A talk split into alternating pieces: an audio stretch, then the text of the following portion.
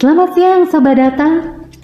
Selamat datang kembali di podcast BPS Kota Sorong. Nah, kali ini Sobat Data, segmen kita adalah Bincang Data. Nah, uh, topik kita pada hari ini adalah membahas tentang survei YMK atau survei industri mikro kecil. Nah, uh, untuk memandu podcast ini saya sendiri yaitu Elfri buat sobat data yang baru gabung gitu selamat datang uh, dan kali ini tamu spesial kita atau tamu penting kita yang uh, pastinya lebih mengerti atau uh, lebih ahli lah soal ini itu adalah koordinator statistik produksi dari BPS Kota Sorong. Nah, seperti pepatah tak kenal maka tak sayang. Jadi mari kita dengarkan perkenalan dulu nih dari tamu penting atau tamu spesial kita pada hari ini. Silakan. Selamat siang Sobat Data, perkenalkan saya Yuni Lengsi, di UPS Kota Sorong, saya bertugas sebagai Koordinator Fungsi Statistik Produksi. Oke, selamat datang nih. Uh, saya panggil Yun aja ya, karena sehari-hari nih Sobat Data, kalau dalam hal profesional, saya biasa manggil Yun gitu, supaya lebih akrab juga. Uh, nah, Mungkin sobat data nih Yon uh, bertanya-tanya nih, apa sih sebenarnya survei YMK itu atau industri mikro kecil? Mungkin juga sobat data ada yang baru dengar malah. Jadi tidak tahu atau ada yang sudah pernah dengar tapi cuma tahu singkatannya saja gitu. Uh, mungkin dia bisa jelaskan sedikit gitu supaya sobat data juga uh, dapat gambaran Oke baik Kak, jadi kalau survei IMK mungkin bagi sobat data masih ada beberapa yang masih awam ya mendengar mm -hmm. namanya IMK. Jadi survei IMK sesuai namanya, mm -hmm. survei yang dilakukan BPS untuk memperoleh data dan informasi strategis terkait IMK yang akan digunakan nantinya untuk perencanaan kebijakan perekonomian, salah satunya uh, di bidang uh, sektor industri mikro dan kecil.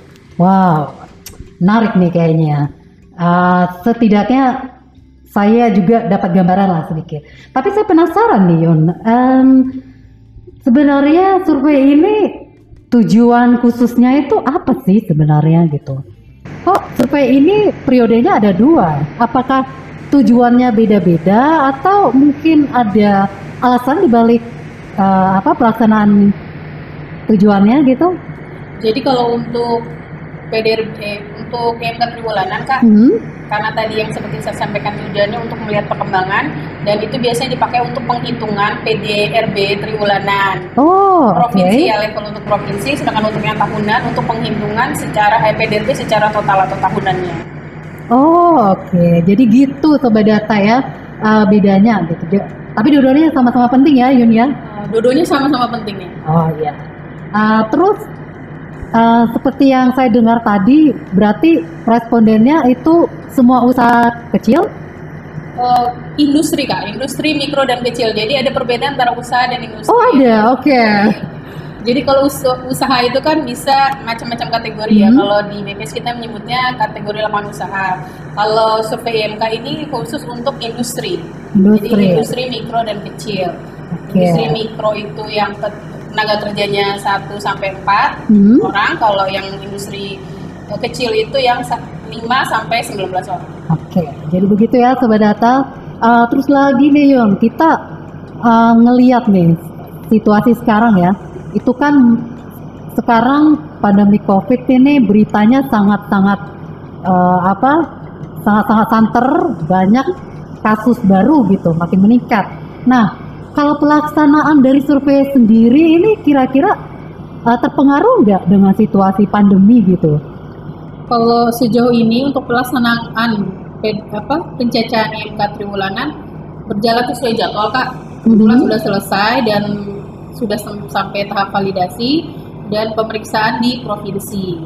Oke. Okay. Kalau untuk IMK tahunannya kebetulan baru mulai di bulan Juli ini kak. Jadi bulan Juli ini mungkin uh, bagi pelaku usaha industri mikro dan kecil ada yang di, didatangi di rumahnya oleh petugas kami dari BPS itu untuk melakukan listingnya Pak. Jadi baru listing rumah tangganya menurut blok sensus atau satuan kewilayahan yang ada di BPS blok mm -hmm. sensus. Uh, setelah itu nanti baru bulan Agustus dilakukan pencecahan. Oh, terus gimana nih dengan situasi yang kayak begini? Apakah memungkinkan gitu Eh, sejauh ini masih berjalan lancar sih kak untuk listing. Hmm. Bisa dikatakan 80 sampai 90 persen sudah selesai. Oke, mudah-mudahan gak ada masalah ya atau kendala ya. Uh, terus kalau misalnya kita berbicara tentang pelaksananya nih di lapangan nih, uh, ada tidak sih kendala atau tantangan selain pandemi COVID ya? Karena kan pandemi COVID ini uh, baru dua tahun belakangan ini ya. Uh, apakah ada gitu tantangan di luar kondisi pandemi yang kita tidak bisa kendalikan gitu? Tantangan tentu ada. Oh iya, mungkin bisa cerita sedikit. Kalau gitu. untuk yang ke triwulanan itu khususnya triwulan dua ini kak yang baru Mhm. berjalan ada beberapa yang kami amati dari hasil pencacahannya. Jadi ada beberapa Mhm. penurunan penurunan produksi, penurunan produksi dan ada beberapa usaha juga yang kondisinya akhirnya tutup sementara Oh, karena pandemi covid. jadi kalau tutup tidak bisa lagi di Eh, data ya berarti.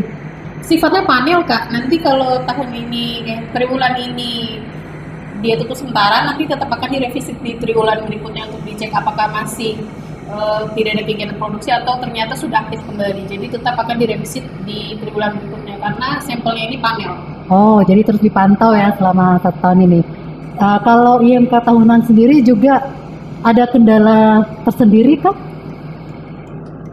kendala di MK tahunan mungkin belum ya karena Mhm. masih baru di tahap listing kalau untuk pencacahan mungkin nanti kami masih melihat kondisi dari eh, pandemi covid ya entah akan diperpanjang lagi jilid kedua Oh, ketiga iya. PPKM darurat Uh, tapi sejauh ini sih belum ada pengunduran Uh, kalau dari detail pertanyaannya sendiri, karena uh, seperti yang Liu sampaikan tadi, kok saya merasa detail pertanyaannya itu sangat banyak begitu. Apakah itu tidak membuat responden merasa tidak nyaman? kalau ditanya nggak nyaman mungkin ada yang nggak nyaman ya kak Oh, apalagi iya. kalau mungkin yang terpilih sampel eh, di tahun ini juga merupakan sampel di tahun eh, sebelumnya. Sebelumnya, oke. tapi eh, dari kami karena sebelum turun lapangan petugas BPS itu selalu dibekali dengan pelatihan kak jadi di pelatihan Oh. kami sudah menjelaskan dari SOP pencacahannya seperti apa jadi nanti ketika ada penolakan atau eh, keadaan yang tidak diharapkan nanti tetap akan ada pemeriksaan berjenjang kalau memang ada yang Mhm. menolak atau seperti apa nanti ada tindak lanjutnya dari kantor Oke, berarti begitu ya Sobat Data. Uh, kita sih harapannya tidak ada yang menolak ya Yun ya. Semua harapannya seperti Oh itu iya.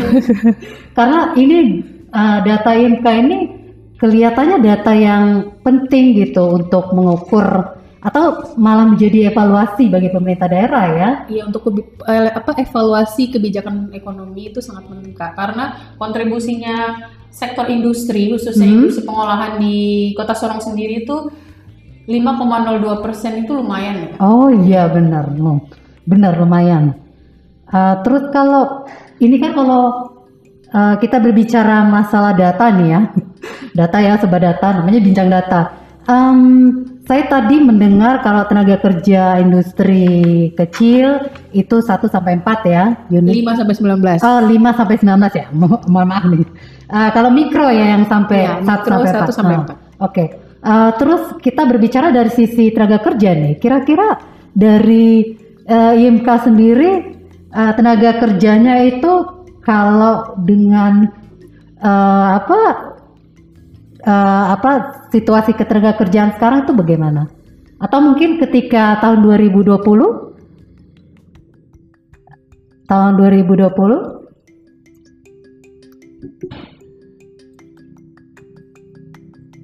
kira-kira berapa mungkin ada persentasenya kan kalau tenaga kerja IMK gitu?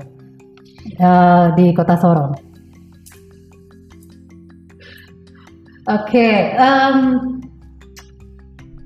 eh, sekarang setelah saya dengar nih penjelasan sepertinya saya sudah dapat gambaran lah sedikit gitu eh, bahwa IMK ini memiliki peran terhadap eh, perekonomian kota Sorong. Nah, em, dengan adanya peranan yang eh, cukup eh, penting lah ya kalau kita bilang, eh, mungkin Yuyun sebagai penanggung jawab sendiri ada harapan tersendiri ke depan gitu eh, terkait dengan pelaksanaan survei ini.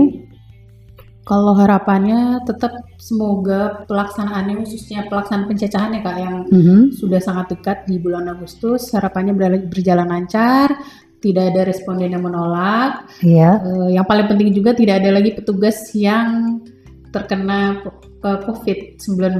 Oh Jadi iya. tetap bisa melaksanakan tugasnya kak karena pelaksanaan IMK tribulan yang kemarin ada dua petugas kak. Oh, oke. ada dua petugas yang gagal melanjutkan tugasnya karena terindikasi COVID. Jadi Aduh. berharap semuanya tetap sehat dan lancar. Petugas eh, responden juga menerima eh, kami dengan senang hati. Iya, jadi Sobat Data sudah dengar sendiri kan seperti Yun sampaikan gitu. Kalau pekerjaan BPS itu uh, memiliki tantangan sen- tersendiri dan termasuk berat gitu. Jadi kita berharap sih ada kerjasama yang baik gitu, partisipasi, terutama yang punya pelaku-pelaku uh, industri mik- mikro kecil ya. Jadi jangan Iya. bosan-bosan. Iya, menerima jangan bosan. Petugas. Iya, nanti jual sampai data ke rumah. Ya, kamu lagi, kamu lagi, kau lagi, kau lagi. Macam bosan kamu gitu. Oke, eh, terus terakhir nih, em, hasil dari pelaksanaan survei ini itu seperti apa? Mungkin bisa memberikan gambaran gitu setelah terlaksana datanya dikumpulkan gitu. Selanjutnya gimana? Ya secara umum sebenarnya pengolahan IMK tahunan dan Mhm. IMK, IMK triwulan itu di entry-nya Kak di kabupaten kota. Tapi Oke. untuk analisisnya itu scope-nya atau level disem- diseminasinya itu hanya sampai level provinsi. Jadi Oh, Nanti yang melakukan diseminasi atau publikasi itu BPS provinsi. oh jadi angkanya bukan angka kota ya, Bukan tapi angka kabupaten kota, Oh ya, angka provinsi. Agregat provinsi Iya, ya, agregat sobat provinsi. data ya. Jangan sampai nanti data ke BPS loh, surveinya ada tapi kok angkanya nggak ada untuk uh, apa level kabupaten kota gitu.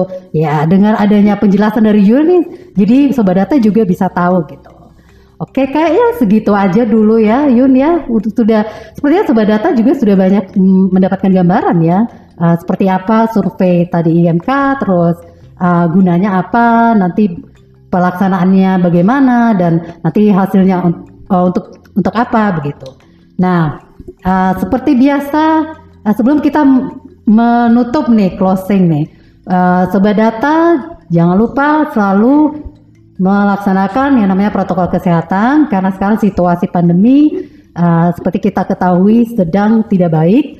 Uh, jadi di mana pun sobat data berada, harapan kami tetap sehat dan uh, yang kedua tetap mendukung mendukung kegiatan BPS terutama bagi sobat data yang uh, merupakan pelaku dari industri mikro kecil gitu. Jangan lupa nantikan kedatangan kami uh, dan salam sehat. Terima kasih.